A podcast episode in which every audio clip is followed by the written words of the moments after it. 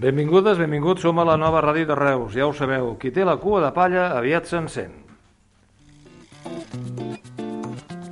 Aquesta tarda es presenta al Círcul de Reus a les 7 el llibre El despoblament rural d'Anton Moner, una presentació que anirà a càrrec del nostre company Maria Arbonès, director de Reus Digital. Moner, fill i veí de Gandesa, té un llarg currículum, cronista, historiador local, mestre de català, graduat social, anys treballats a la banca i també una llarga trajectòria política centrada fonamentalment a les nostres comarques. L'última obra d'aquest arreltí aborda un problema que venim arrossegant des de fa anys, la pèrdua de població i també d'oportunitats en molts municipis, especialment de l'interior. En algunes declaracions ha dit que aquest llibre està pensat i fet especialment per la classe política. Interpreto, doncs, que és una mena d'estirada d'orelles per no haver fet el que han promès anys i anys, que tots els ciutadans i totes les ciutadanes tinguin els mateixos drets visquin on visquin. L'atzar també ha fet que la presentació a Reus d'aquest llibre pràcticament hagi coincidit amb la que es va fer ahir dimarts al Congrés dels Diputats a Madrid es va presentar el document Model de Desenvolupament de l'Espanya Buidada, un document avalat per 160 plataformes del món rural de tot l'Estat. I és que el fenomen de la desertització rural, en benefici de les ciutats, és universal. És reversible? És una nova oportunitat per repensar la forma de vida? En parlem avui a la cua de palla. Comencem. I avui hem convidat a la tertúlia a l'autor del llibre, Anton Moner, bon dia. Anton Moner, bon dia. Sí, bon dia, bon dia. Bon dia, el, el tenim a, a Gandesa. Sí, Anton sí. Moner compartirà taula amb altres tertulians que presento ràpidament. Josep Maria Pinyol, geògraf, historiador, postgrau en desenvolupament rural als països mediterranis, i també expert en planificació urbana i territorial. Treballa a la Universitat Rovira i Vigili i va ser en el seu moment també regidor a un municipi de l'interior, no, potser no un municipi petit, però sí un municipi clarament eh, rural com Ribarroja d'Ebre. Bon dia, Josep Maria. Hola, bon dia. També comparteix taula amb nosaltres un conegut, Josep Cruzet, periodista. Bon dia, Josep. Bon dia. I completem a la producció i també a la tertúlia David Fernández, director de la nova ràdio de Reus. Bon dia, David. Bon dia. Comencem amb Anton Moner. Anton, eh, una de les coses que m'ha cridat l'atenció, l'esmentava jo ara a la introducció, és que aquest llibre té dedicatòria, no? Aquest llibre està fet o està pensat, no, no, no, entenc que no exclusivament, però sobretot com un toc d'atenció a la classe política i també entenc com una mena d'autocrítica, perquè tu, com deia, has estat eh, regidor, diputat provincial i també vicepresident de, de la Diputació. Sí, sí. Mira, el, el, tema, el tema neix perquè veig a la meva comarca, ja, no, ja sense entrar a altres comarques, veig a la meva comarca com poblacions que tenien 700 i 800 habitants fa 50 anys, ara s'estan reduïdes a la meitat. Llavors, mm, a mi això em crida l'atenció eh, i, i, i ja ho visco de fa molts anys. Jo estava, jo estava a prop del president Pujol i sempre parlava de reequilibris territorials, però mai se va poder a anar de cara al reequilibri eh, territorial perquè la, la mentalitat eh, eh, no, no aportava a crear llocs de treball als nostres pobles. No, no, no buscàvem la manera de, de crear riquesa, de mantenir l'equilibri territorial que precisament era la paraula que es desitjava i que es buscava. Llavors, a, a, a les diputacions feien moltes coses, dels plats d'obres i, ser, i serveis, posem per exemple, arreglaven els carrers, eh, ficaven llums, ficaven piscines noves, pagaven casals, o, o com a mínim aportaven part dels diners per a poder aconseguir allò, però clar, ens trobem amb la incongruència de que millor arreglàvem carrers que les cases estaven buides. I, i clar, arreglàvem carrers que eh, que es, eh, se dignificava el poble, evidentment, crear alguns llocs de treball també, però que, de fet, quedava, quedava el poble despoblat.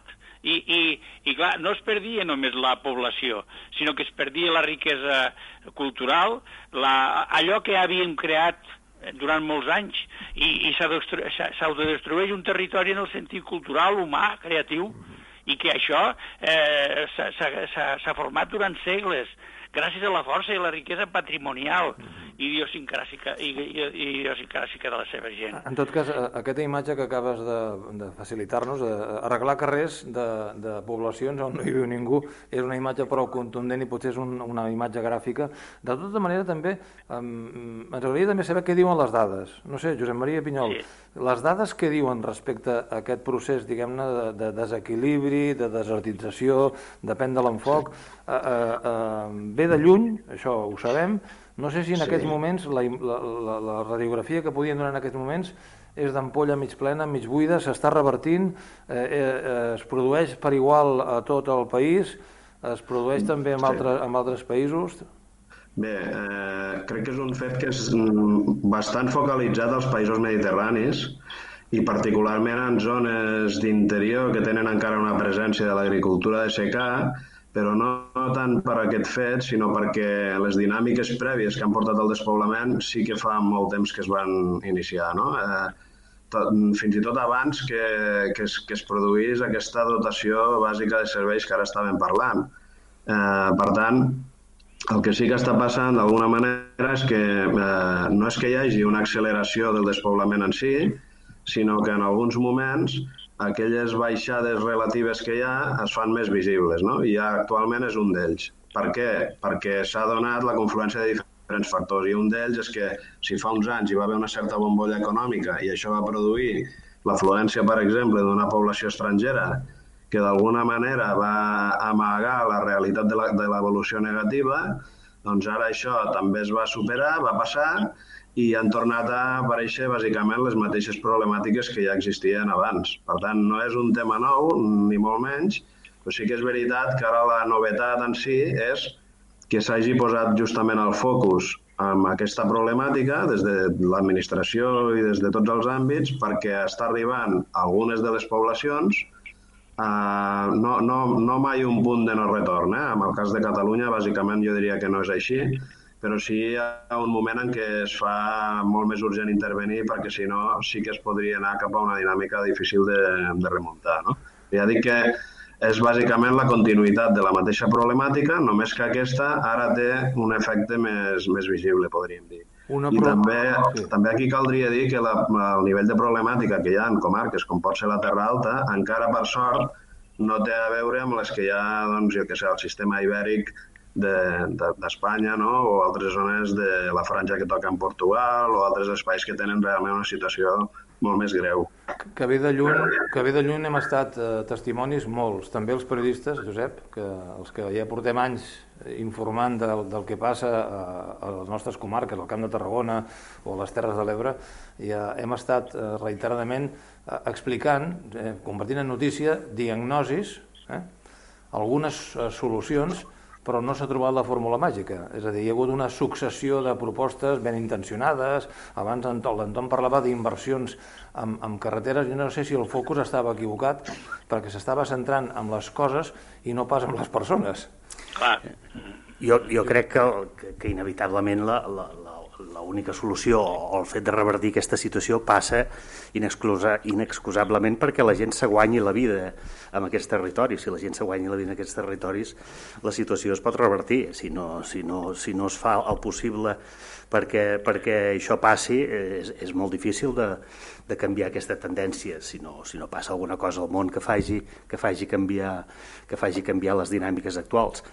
Una cosa ha passat, que estadísticament encara no, no ho podem saber ni, ni està reflectit, que és quanta gent de la que s'ha instal·lat als pobles o ha tornat als pobles arran de la Covid s'hi quedarà? Hi ha molts pobles que han vist eh, augmentar la seva població de pobles de muntanya, eh, s'ha doblat durant aquest període, simplement perquè la gent ha anat allà doncs, per, per, per, per, temes de, sí, sí, per, temes, per temes de prevenció. Uh, què, quedarà, uh, què quedarà de tot això? I també la, la Covid també ens ha, ens ha fet palès una realitat que ja sabíem. Quan la gent ha pogut sortir de casa, i això aquí, especialment a Reus, el Camp de Terra ha sigut molt visible, han corregut el, el, a les nostres muntanyes eh, com, com a zona d'oci, com a zona de, de, contacte, de contacte amb la natura. Bé, si són, si són llocs tan, tan privilegiats, tan, tan saludables, llocs que, que, que ens han salvat la vida eh, en moments molt difícils per tots, doncs, és, una bona, és, una bona, és una bona pista per dir és, és, un, és un món que cal, pel que cal vetllar i cal salvar-lo.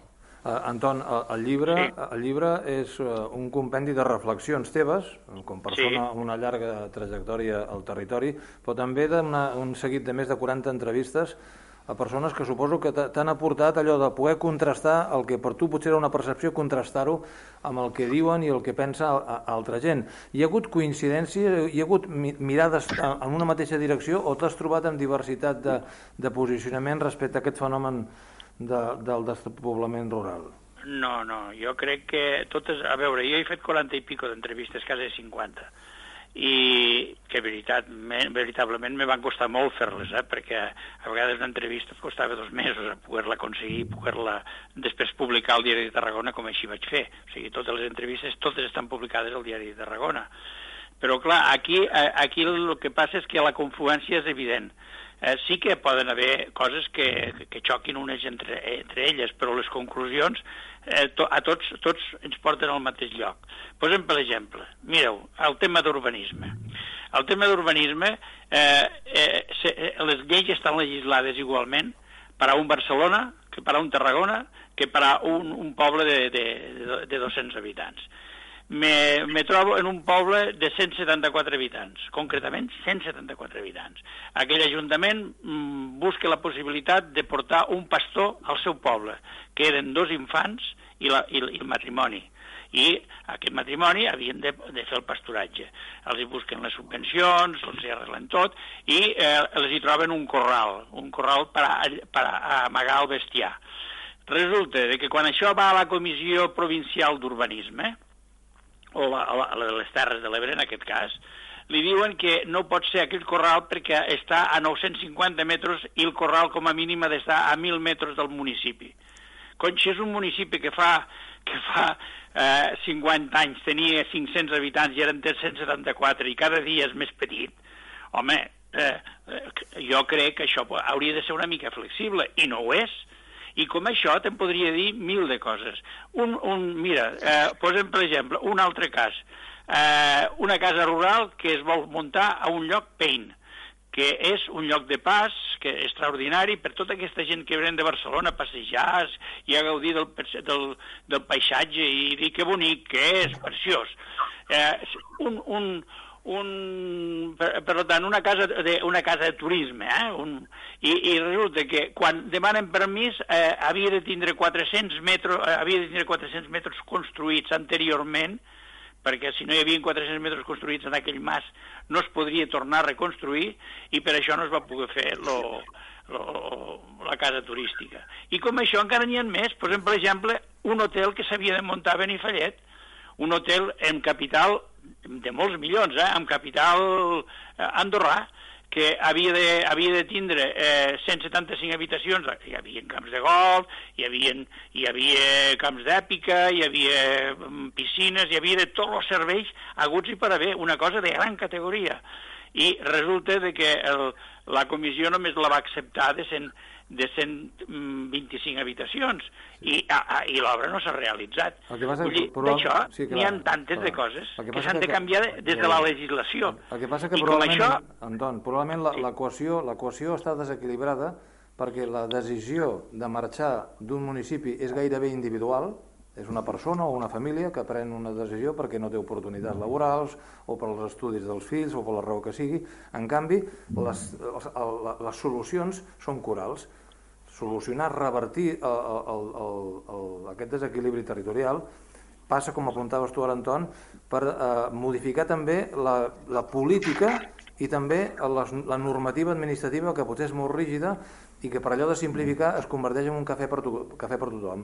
I no és veritat, la casuística d'un municipi com Barcelona o com Tarragona o com Reus o com Tortosa és molt diferent del de, eh, que pugui passar a Flix o el que, pugui passar, o el, o el que pugui passar a Capafonts natural. El que passa no, que, no, clar, és que, escolta, això que costa, estàs dient és però tan tu- important Ja, però tu com no saps- ho pot ser més. Sí, però tu saps que això és molt difícil, eh? canviar les normes. Sobre, sobre, és, sobre, és, el polític, és difícil, el- però jo, jo ja he trobat la solució, d'acord, quan he parlat amb gent que, que diuen que la solució podria vindre a, per una comissió eh, urbanística comarcal, que naturalment eh, seria de menys rang que la, que, la, que la de les vegueries, en aquest cas de les Terres de l'Ebre o que la de Tarragona, però que aportaria la seva idea sobre si 50 metres és tan transcendental o no, perquè un poble de, 4, de, un poble de 174 habitants, 4 habitants hi representen tant, com a Reus hi poden representar 1.000 o 2.000.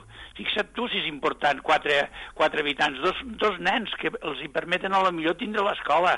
Eh, hi ha moltes coses que això s'ha d'arreglar des de la base.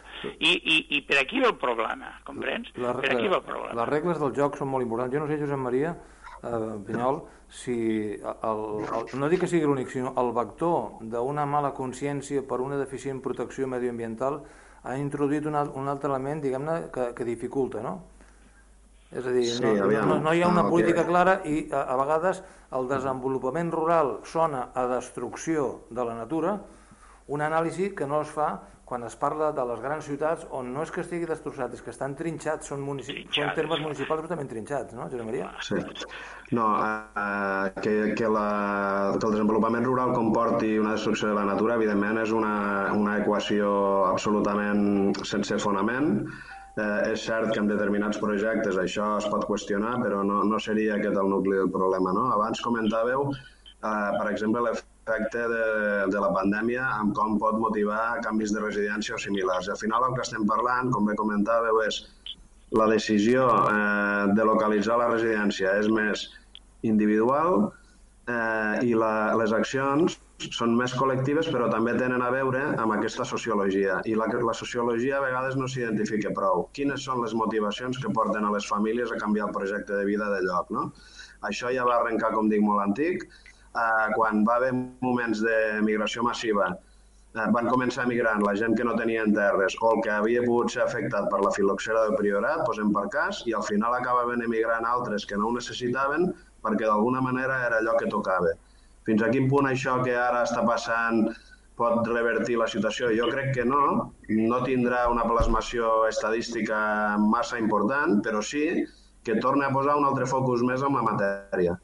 I fins i tot això que esteu dient de les infraestructures, com poden ser eòliques i altres, és un altre focus més encara amb la problemàtica rural. I això sí que és rellevant, que és replantejar-se com s'ha arribat aquí i quins elements de polítiques són necessaris eh, canviar. No? Llavors, eh, a nivell de polítiques, passar d'aquelles successives modes que van, doncs imaginem, no? carreteres, turisme rural, teletreball, ara el factor habitatge, però no hi ha hagut un plantejament integrat de conjunt que tingui en visió de país aquesta focalització i, i encara menys amb aplicació específica a les particularitats de les zones rurals. No?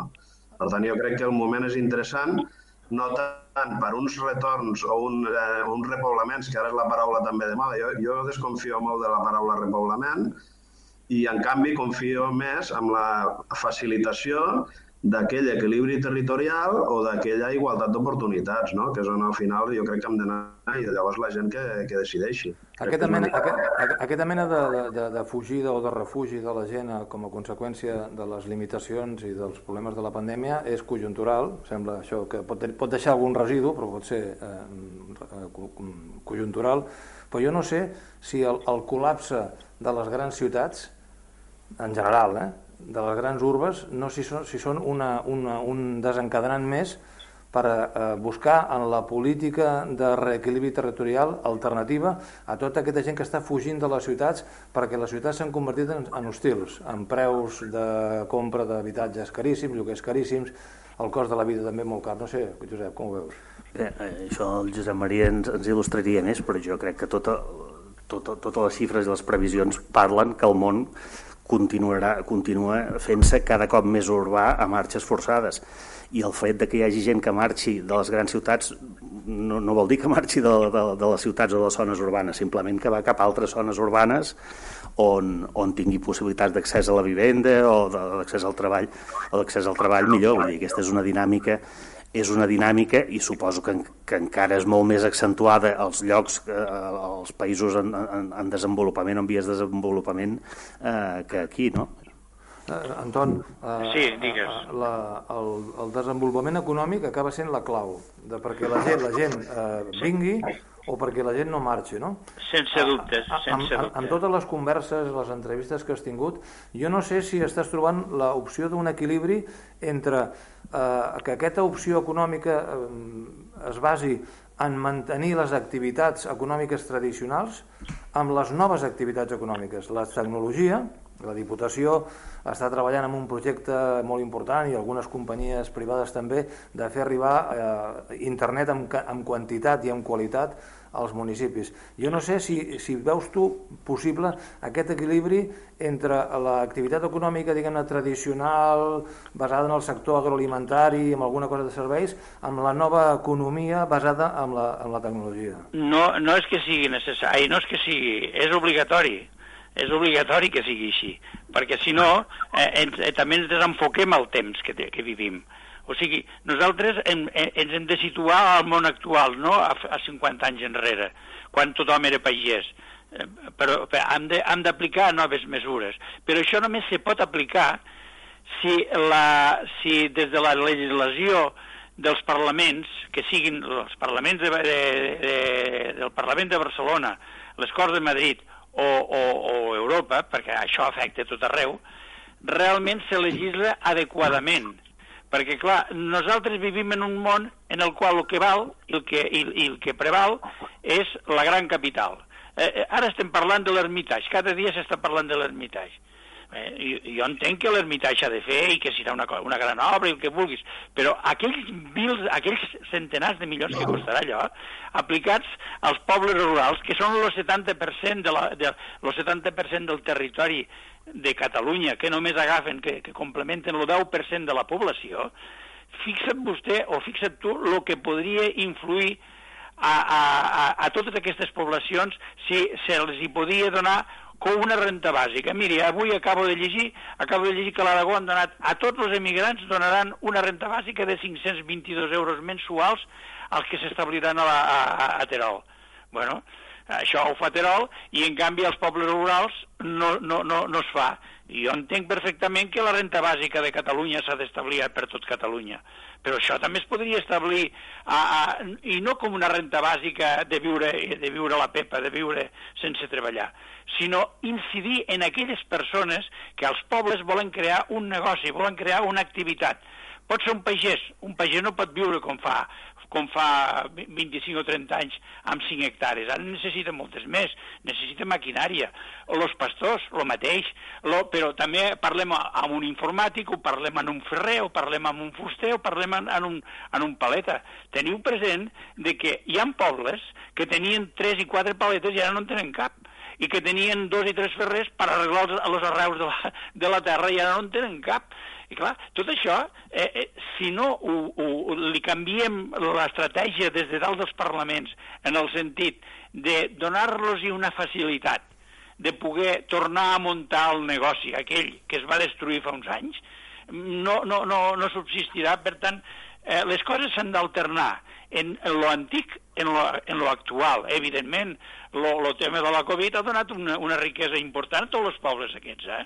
I jo veig que han arribat, a, a la Terra Alta han arribat bastantes famílies, però moltes famílies, fills d'aquells que van marxar a lo millor que van estudiar i aquí no tenien feina i treballaven al turisme, treballaven a, a, allà on eh, i, i llavors s'han trobat que ara poden treballar per internet, eh, online, i, i, i evidentment pues, formen part de la societat, i que alguns que han vingut també aquí, als pobles petits, desnonats, si han trobat pis, perquè és l'altra cosa, mm, cosa que us estava explicant abans.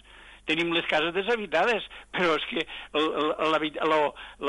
l'habitatge no, no, no, no s'arregla, les cases cauen eh, i, i, i, els, i els carrers estaran molt ben arreglats, però si les cases cauen a dintre no es poden tornar a habitar i hi ha persones que les voldrien habitar, però clar, se troben alguns pobles petits com, miri, Practiconte, Practiconte és un poble de 170 habitants també, i, i clar, aquesta gent ara estan muntant una vivenda perquè el primer que els hi vindrà de fora eh, que li donaran una feina o altra, que la trobarà segurament perquè n'hi ha de feina, pues, automàticament li donaran aquella vivenda. Però clar, si no tenen vivendes, la gent que pot arribar del Covid desnonats, posem per exemple, aquesta gent no, poden, no, no, no es poden instal·lar. I a pobles que han, hagut, que han trobat pisos, i en pobles que han trobat pisos, han arribat moltes famílies desnonades.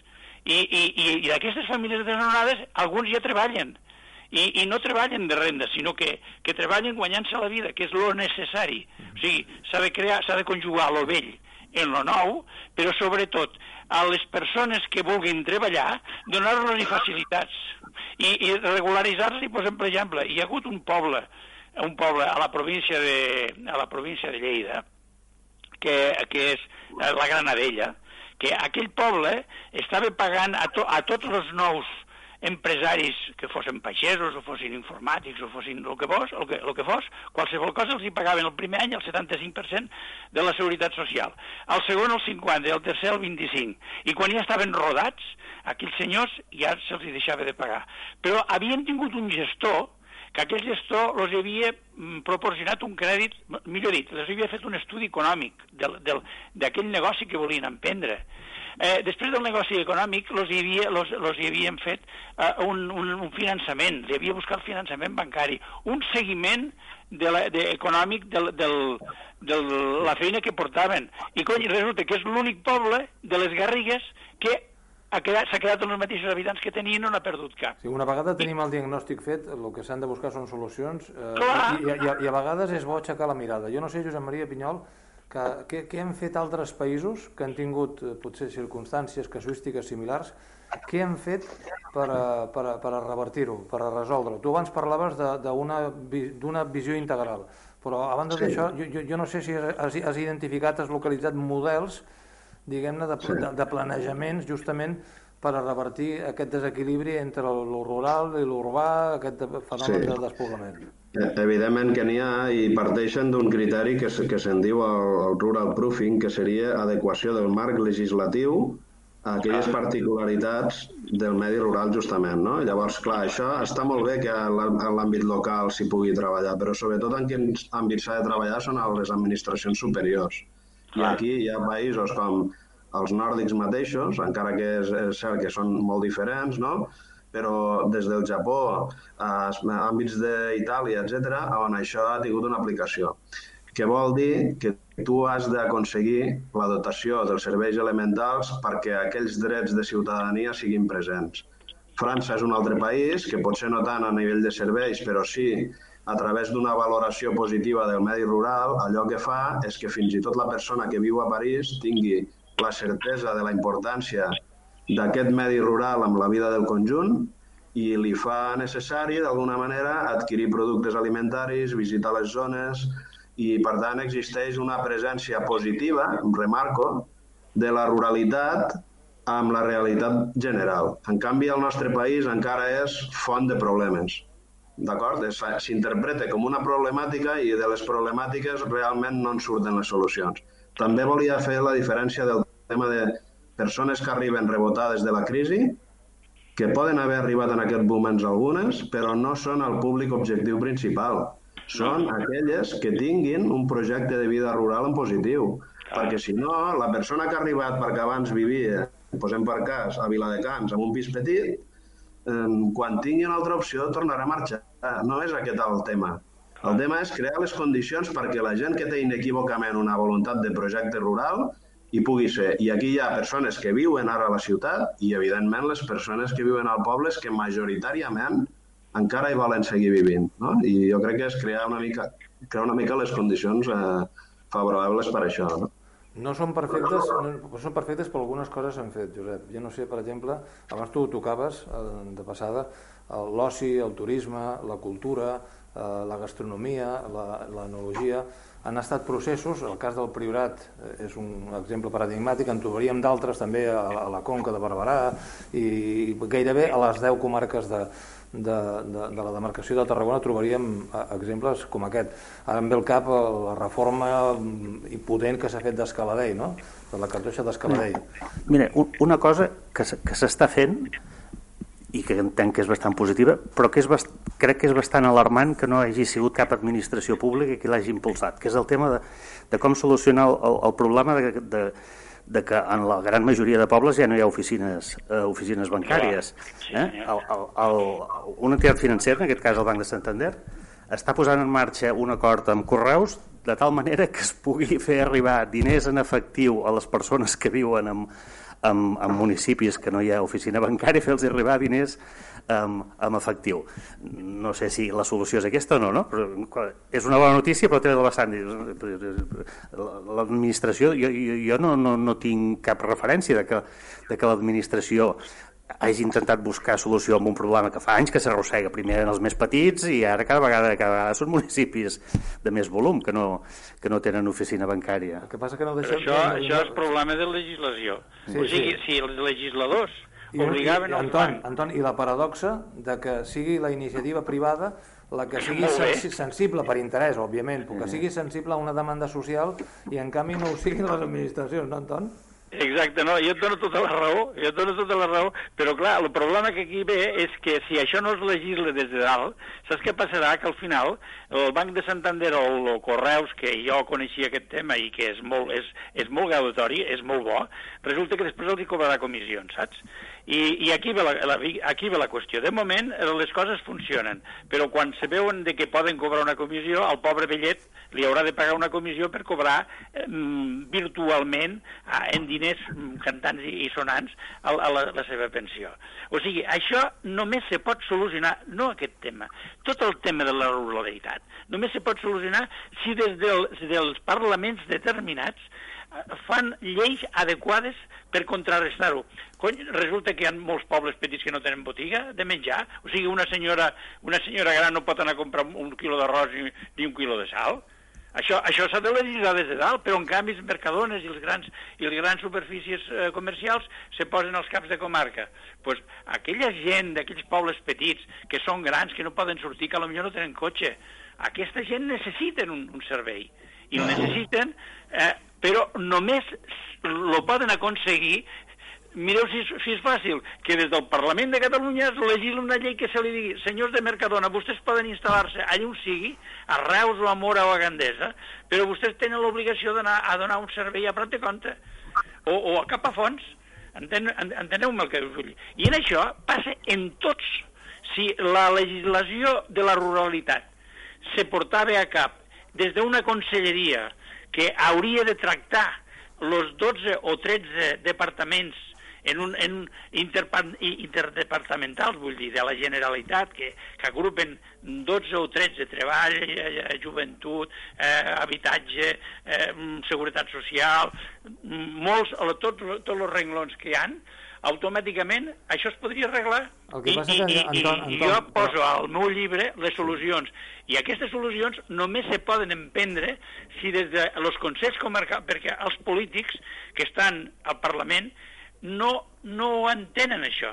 No Però entenen ho haurien d'entendre, problema... perquè molts són d'aquí. Ara, ara, per exemple, sí, sí, sí, Reus sí, tindrà sí, sí, dues, perdona. dues conselleres al govern de la Generalitat que bueno, una està més instal·lada a Sabadell, però l'altra coneix perfectament Reus i segur que coneix el territori, per tant... No, no, coneix, no... coneix molt el territori perquè estiueja cap a fons. No. Coneixerà molt el territori, però, però saps què, què passa? passa? Que es trobarà amb el problema de que el seu superior, que serà el president o que serà no sé qui, li dirà, escolta'm, d'això ja en parlarem perquè el, el problema és que el tenim al corredor del Mediterrani. El problema el tenim a l'aeroport de Barcelona, perquè, clar, l'aeroport de Barcelona ha de ser molt important, i jo entenc que és molt important, i que s'ha de fer un, un, segon aeroport, ampliar l'aeroport al Delta del Llobregat, que es mataran les bestietes, que, que, eh, que es matarà no sé què, i que allí no té cap importància. No creu... A les zones despoblades, el medi rural té molta importància, Barcelona no en té cap, però en canvi tenen l'aeroport de Reus i l'aeroport de, de, de, de Girona, que el podrien ampliar perfectament i, i no, el que volen és ampliar el de Barcelona. Però, Anton, I, I amb això, a, a, contra qui va? Manera, va contra la Costa Brava o va contra la Costa Dorada i les Terres de l'Ebre. I indirectament sí. va contra els pobles, de la, de, de, els pobles que tenen sí, eh, problemes però, de ruralitat. Però, Anton, tu que les has vist de tots els colors i que estàs, has estat en política des de, des de, gairebé des de la recuperació de la democràcia a Catalunya i, i, i a Espanya, òbviament, Què ha passat? S'ha perdut aquell tarannà, aquell perfil del representant polític, fos regidor, alcalde o president del Consell Comarcal o diputat o, o al Congrés o al Parlament? S'ha perdut, no perdut, s'ha no perdut. perdut, s'ha perdut en benefici de la disciplina de partit? Exacte, exacte. Però és que la disciplina de partit comença des de zero, comença des de l'alcaldia, fixa't tu i passa, per la, i passa pel, pel el, el Consell Comarcal. I se'n va, això se'n va ja a, a la Diputació i se'n va, al, naturalment, a, a la Generalitat. Mira, més se diré. Eh, eh, a mi el president Tarradellas em nomena president intercomarcal de les Terres de l'Ebre i m'hi va nomenar eh, com a representant en aquell moment d'un partit perquè es va fer una cosa molt, una, una, una cosa molt heterogènia, molt, molt difícil d'entendre avui, però el president Tarradellas el que volia era emportar-se l'aigua a Barcelona i, bueno, i, i, i, i, va, i va, a mi em va nomenar president de les quatre comarques de les Terres de l'Ebre, amb, la, amb la idea d'emportar-se l'aigua a Barcelona. Molt bé. Eh, què passa?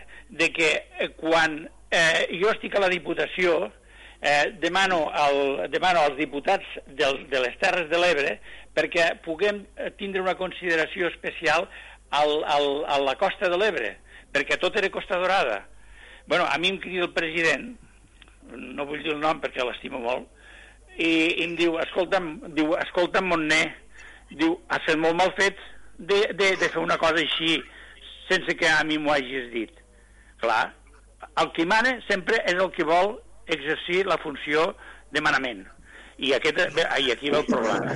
I, i per això els, els, aquests polítics intermediaris, inclús fixa't tu, un conseller, un conseller sempre té les limitacions dels que, els que té a sobre seu. I els, I els diputats del Parlament només manen dos o tres, i quan algú els, esmenta un problema de, de, d'un problema de la ruralitat, ja això ja ho arreglarem. Ara hem d'arreglar l'ermitatge, que l'ermitatge és més important, o el corredor del Mediterrani, o, o, o la variant de no sé què, o, o, o, o les rodalies, que tot, tot és important i que tot és necessari. Però, clar, sempre el que menys pesa per ells eh, perquè són molt pocs. Si, si en el 70% de la població de Catalunya només tenim el 10% de la població, en el 77, el 70% del territori tenim el 10% de la població, doncs això té molt poca importància per ells, m'entens? O sigui, los, eh, si, los, los diputats no compten pràcticament per a res, perquè eh, jo en tinc molta experiència en això. Doncs, I he sigut vicepresident de la Diputació, i he sigut president d'un partit polític en representació al Consell Nacional doncs, doncs, i que quan jo exposava una cosa me deien que sí, que sí, que sí, el però allò no es feia mai. El que passa que si això, si això continua sent així no convida a un excessiu optimisme diguem a l'hora de, de prendre mesures dràstiques. Però és igual, continuem posant damunt de, de la taula qüestions que poden incidir en, en, en mantenir aquest desequilibri o revertir-lo. Per exemple, l'educació i la, i la salut. No fa pas masses mesos eh, sortia a la llum pública una iniciativa d'una colla de pares i mares d'Arbolí que, feien un esforç i que reclamaven al Departament d'Ensenyament de, de, mantenir una escola, una llar d'infants, una, una escola bàsica al municipi perquè bueno, ells van fer una opció de, de, de vida, vida rural però clar, era un problema portar canalla petita cada dia doncs, o, o al Forja o a les Borges no? L'educació i, i, i, la, i la salut, eh, Josep Maria mm, són també elements clau a l'hora d'assegurar que la gent pugui fer un projecte de vida a les zones rurals? Absolutament, i aquí cal trobar fórmules per superar aquell marc que, que són els números freds dels habitants que hi ha a un lloc. És a dir, d'alguna forma caldria donar incentivació a l'establiment d'aquests projectes de vida d'aquelles persones que en tenen una demanda. Però aquí també faria una mica la reflexió lligant amb aquella qüestió anterior de la sociologia i de com la població s'ha urbanitzat. Fixem-nos que Arbolí, per exemple, queda en un radi d'uns 25 minuts de Reus, mm, minut amunt, minut avall. Això li permet unes opcions d'assentament de població que potser altres zones ho tenen més complicat. Però jo crec que això justament el que fa necessari és un altre tema que a vegades s'oblida el debat aquest, que és el vincle positiu entre l'àmbit urbà i l'àmbit rural. I jo crec que aquí, per exemple, el cas de Reus o poblacions similars, eh, per exemple, Tortosa a la seva zona o altres, Lleida o tenen un paper dinamitzador potencial molt important i això s'ha de connectar amb totes i cadascuna de les comarques eh, via les capitals de comarca i també aquelles poblacions que no ho són, però que fan una funció de serveis bàsics a la seva rodalia. No? Llavors, clar, jo penso, Reus ha sigut una, una exemplificació d'aquest volcat d'un hinterland rural cap a un litoral metropolità. I aquest segon el trobo totalment lògic, però no trobo bé i trobo un error històric de la ciutat de Reus l'abandonament d'aquest hinterland interior. No només per un tema que ha de fer una funció d'alguna forma assistencial de les zones rurals i tot això, sinó perquè és que és la seva clientela. Si perd aquesta, té més difícil captar-ne de dades. Per tant, jo crec que aquí Reus hauria de fer agafar aquest tema en positiu i dir, escolta, què podem fer per a aquest entorn, eh, entorn rural nostre? No? Imaginem totes les denominacions d'origen de productes i totes les zones turístiques que tenim a l'interior que tinguessin un aparador a la ciutat, com ja temporalment ho són, les fires de l'oli i similars. Imaginem un tema més permanent, igual que a Tarragona es farà un tema de la, de la, de la ciència, etc. no? Doncs escolta, això és una voluntat de lideratge del territori que a la ciutat li faria falta i li aniria molt bé i generaria un atractiu a la pròpia ciutat. De tota I manera, llavors... sí, de tota manera, Josep sí, Maria, sí. potser alguna, alguna cosa està canviant, eh, Josep, perquè fa alguns dies van convidar a, a l'alcalde i a la vicealcaldessa a parlar del pla estratègic, aquest Reus Horitzó 32, i eh, l'alcalde i en particular la vicealcaldessa posaven èmfasi en que estan intentant obrir, recuperar aquesta mirada més enllà del terme municipal.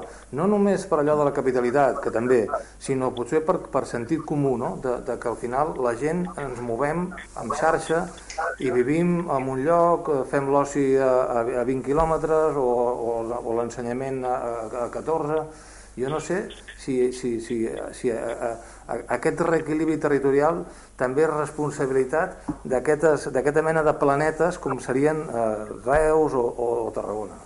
Sí, el que passa que aquí entraríem amb, un, amb un problema fins i tot una mica superior al, al que portem fins ara, que és la problemàtica, t'ho dic perquè fa referència al, al que tu apuntaves de, de l'accés de l'accés a l'ensenyament i a la salut, el que apuntava el Josep Maria de l'Interland de Reus, que és la problemàtica dels pobles de muntanya que és un afegit a tot, és un afegit a tot el que estem parlant des de, des de comunicació amb tot aquest tema i amb, i amb, i amb, i amb assumptes complexes com per exemple la, la gestió la, la, la gestió del medi natural no? el poble, un medi natural valosíssim que és un dels seus atractius però que és molt difícil de gestionar si, si la gent no hi viu l'exemple més evident és el, és, és el de la massa forestal. En les darreres dècades ha crescut una autèntica barbaritat, però a dia d'avui ja no hi ha ningú que exploti, que exploti el bosc i la gestió que en fan les administracions és la mínima. Ara, ara els nostres boscos han crescut eh, exponencialment, i són, però també estem parlant d'un risc, d'un risc elevadíssim, sobretot per aquests, per aquests pobles, que és el seu patrimoni, és el que tenen al costat, al costat de les cases. No? Per, és un tema extremadament complex i que, i que a més en té vessants en que, que, encara, que encara ho són més. Ja no parlem de les comunicacions, de, de, de, de, de, de les carreteres, de, del fet de que d'aquests llocs tinguin, tinguin connexions digitals. Bé, és... Mira, això, que, això que estàs dient tu dels boscos mm. és que és un tema que es va parlar, ho vaig parlar jo precisament amb el, amb el president Quim Torra, quan va haver el tema de l'incendi de, de la Ribera d'Ebre, que allò va ser gran, molt Exacte. important. No? I, I què passa aquí? Què passa? Que fixa't tu, eh, a, a, aquell incendi de la Ribera d'Ebre, si haguéssim tingut cinc pastors treballant de pastors, amb un ramat de 150 ovelles i, i 100 cabres cadascú, amb 250 caps, 5 pastors, no s'hagués produït aquell incendi. I en canvi, i un pastor, saps què costa un pastor? Un pastor només costa que la carn li puguin pagar no a 60 euros com li, li, li, li paguen al cap, que és el mateix que es pagava fa 40 anys, sinó donar-li donar, un al·licient o altre que, que se li podria donar. Que no parlem de la renta bàsica universal, doncs cony, un, un pastor que visqui a, les, a, a la Ribera d'Ebre pot cobrar perfectament i s'evitaria s'evitarien els incendis forestals. Tu saps el que costa un incendi forestal? Amb, aquest, amb aquestes masses que estan creixent enormement de pins, perquè clar, els pins s'apoderen de tot. Ara, des de la, des de la Generalitat, ai, des de la Diputació s'ha fet una, una acció molt bona, que és treure els pins i aprofitar-los per, a, per a les escoles, eh, i aprofitar-los per a la calefacció de les escoles i, i, dels, i dels hospitals, i això ja s'està fent, i és una realitat. Eh, però, escolta'm, això és, és una minorancia a, en relació al que pot fer un pastor. Un pastor pot netejar centenars d'hectàrees de bosc amb les, amb les seves cabres i les seves ovelles. I això no, no costa res, però clar, resulta que aquell pastor, com no diu res, perquè pobre és un pastor, pues, clar, com no diu res, pues, eh, les pastors se van extingint i, i la terra alta que tenia, un, tenia ramaderia per aproximadament entre 25 i 30.000 caps al 1900, de de, del segle passat, al 1900, actualment li queden 1.200, 1.200 caps de bestiar i, i clar, no es pot actuar. O sigui, les lleis se fan no per al poble. Les, les, el poble s'ha d'adaptar a les lleis que estan fetes. O sigui, tot va en contra. I això ser en l'ensenyament que parlàveu ara, de l'ensenyament.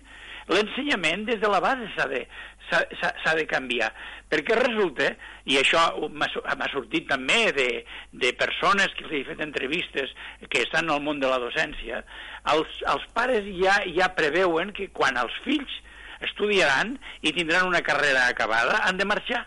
No, pues, eh, se'ls hauria de donar la, la idea que aquells, aquells fills no eh, marxar pel, pel, pel el despoblament rural, sinó eh, quedar-se en el sentit de que hi ha possibilitat de canviar aquella comarca si des, del, des de l'Estat i des del govern de la Generalitat i de les diputacions i d'allà on sigui, se'ls dona possibilitats de quedar-se.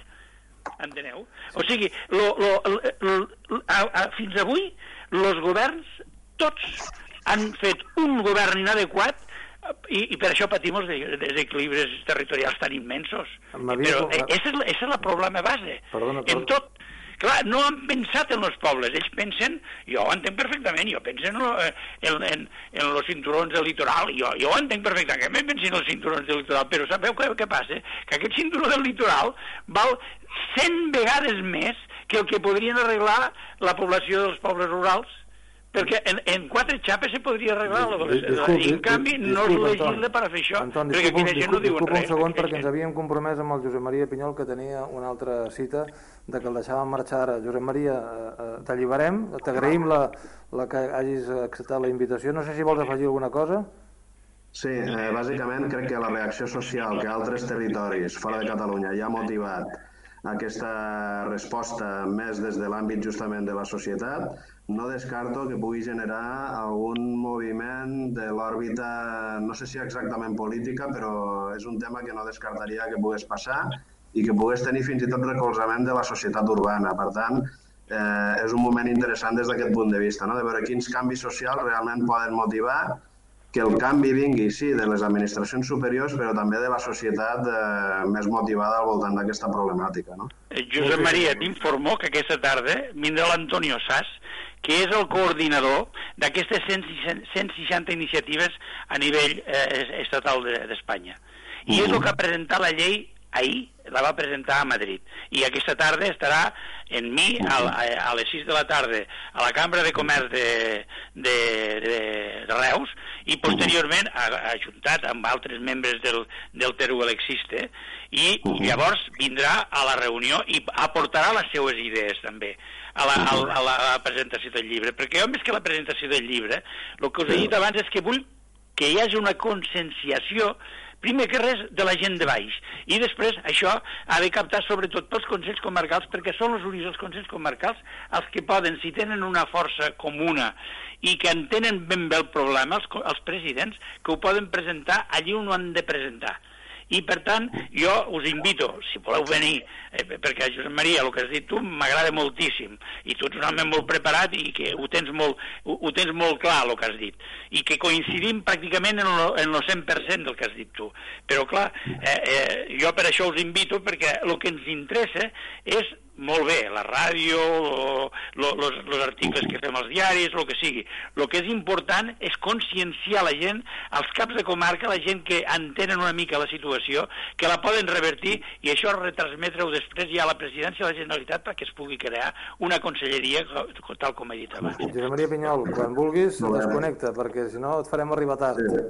D'acord, gràcies. Gràcies a vosaltres. Adéu, gràcies. Adéu. Sí, aquesta, aquesta última qüestió diguem de la mobilització ciutadana com un mecanisme imprescindible de pressió sobre la classe política l'hem vist ara amb, amb, amb l'oposició al pla de parcs eòlics i de, que, que, que, que curiosament es concentren en zones rurals i a mi va fer molta gràcia eh, llegir unes declaracions d'un pagès que es va concentrar en un acte que hi havia a la GPEC i d'altres aquí a la plaça Prim i que deia, és que a vegades els polítics no se n'adonen que hi ha molts metres quadrats de taulada a les grans ciutats on, on podien posar plaques solars, no? El que, el que passa que aquests, almenys en el, en el nostre territori, aquests moviments han sorgit per temes puntuals, però no tant per un, per un, per, per, per, per atacar el fons del problema. Els que tenim més memòria recordarem el pla de residus, no, no, no, no cal parlar del, del tema del tema de l'Ebre, els, els eh, parcs eòlics, altres, altres això.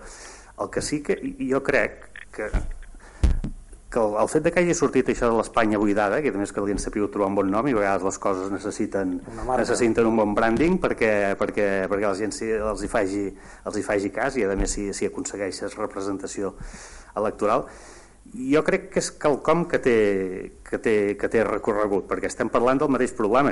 Evidentment no és el mateix problema que el que viu Castella i Lleó que el que, que, el que pot viure eh, la, la, la, el Camp de Tarragona o, o les terres, o les terres de l'Ebre, però ja és un problema que està damunt de la, de la taula, és un problema que té ressò i que té, i que té audiència, i a partir d'aquí, com havia dit el Josep Maria Punyol, no és descartable que en tinguem les seves derivades eh, articulades o formalitzades no, no sé com, però bé... Eh... Però saps, eh, Cruzet, perdona que, que et talli, eh, perquè jo he parlat moltíssim això amb el coordinador de, de Terol Existe, que, que es diu Manolo, Manolo, ara no me recordo, Manolo Serrano, sinó, no, Manolo Jimeno, Manolo Jimeno. Eh, li he parlat molt, i saps què passa? De que, per què aquesta gent, amb, només amb una província, i una de les províncies més pobres de tota Espanya tenen tant auditori a Madrid? Doncs pues molt fàcil, perquè els socialistes el necessiten.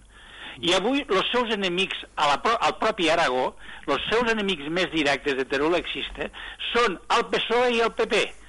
Fixa't tu si són enemics, que l'altre dia el ministre d'Universitats, el, el, el, el, el, com se diu, el Molí, no, el Molí, el, com se diu, el, el, el, el Castells, el Castells, que ells hi diuen Castell, eh, va anar a Castell va anar a Teruel i els hi va donar, els hi va prometre que es muntaria una universitat de tipus rural i no sé què. I l'Amban, des del president de, el president de d'Aragó, l'Amban, els hi va prohibir a cap diputat del seu partit que anessin en aquell acte. Per què? Perquè, clar, això era Existe i si hagués manat el PSOE, el PP, hauria passat el mateix. O sigui, hi ha una contradicció entre el poble i la política. I els polítics que manen no volen mai afluixar les rendes de la, del seu poder. I per això, avui, si aquest senyor, que es, que es diu Antonio Sass, ahir va poder presentar el tema aquest a la, de la plataforma de, de l'Espanya buida, la va poder presentar al, al, a Madrid, no sabeu per què va ser, perquè ho necessitava el PSOE. Si el PSOE no ho hagués necessitat, era impossible. Escolta'm, és que va haver en un moment determinat a Catalunya que el, el president del govern espanyol, que es deia Aznar, sabia hablar el català en la intimitat, eh? I, i només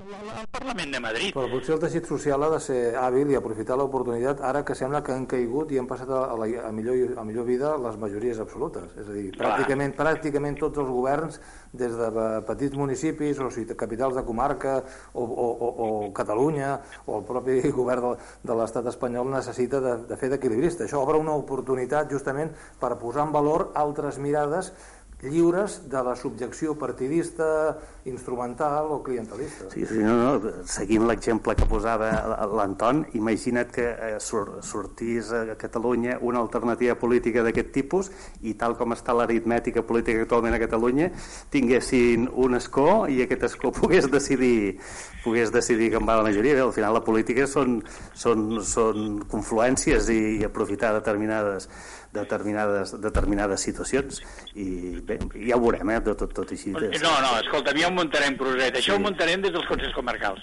Jo ja tinc, ja tinc la manera de muntar-ho, ja, ja, tinc la, ja tinc el camí, ja el tinc el, camí, el, el camí traçat, i ja tenim unes reunions immediates amb, amb presidents molt, molt, que tenen molt clar la idea de la, del repoblament rural i, de, la, i la reactivació econòmica, perquè no és només repoblament, és reactivació econòmica, cultural, social, és, és tot plegat i això ja ho tenim en marxa i jo ja tinc fixat una, ja tinc una reunió preparada d'aquí dos dies, només dos dies, amb una persona que és dels que mana més i, i, i podrem ja iniciar-ho. Pensava... Però aquí hi ha un divorci entre el poble sí, i els polítics. Els no, polítics no volen afluixar mai les seues, les seues, les seues rendes. I aquí el, el, el, el, el problema. El president Montilla que en aquest cas socialista ja va fer famosa la frase de la desafecció de, de, de, de la ciutadania respecte a la política. Jo pensava que Anton Moner es volia pràcticament retirar i dedicar-se només a la literatura, però veig que no. No, no, no, no, no. Estic, estic, saps què passa? Que jo camino moltes hores, jo penso molt, jo tinc molt, molt, molt esgambi i, i, i tinc un afany de fer coses. Tinc 77 anys, eh? no et pensis. Doncs... 77 eh, anys, però tinc una, un afany de fer coses. Ho hem de deixar no, aquí. No us hi podeu imaginar. Ho hem, ho hem de deixar aquí, eh, Anton, eh, Val, perquè se m'acaba el temps ja. Eh, recordeu, avui al Círcul a les 7 es presenta el llibre El despoblament rural d'Anton Moner. Moltíssimes gràcies, Anton, al Josep Maria, que ens ha deixat fa uns, fa uns segons perquè tenia altres obligacions. Gràcies, Josep. També gràcies Moltíssimes gràcies a tu. Adéu-siau, bona setmana a tothom. Adéu. Adéu. Adéu. Adéu. Adéu. Adéu.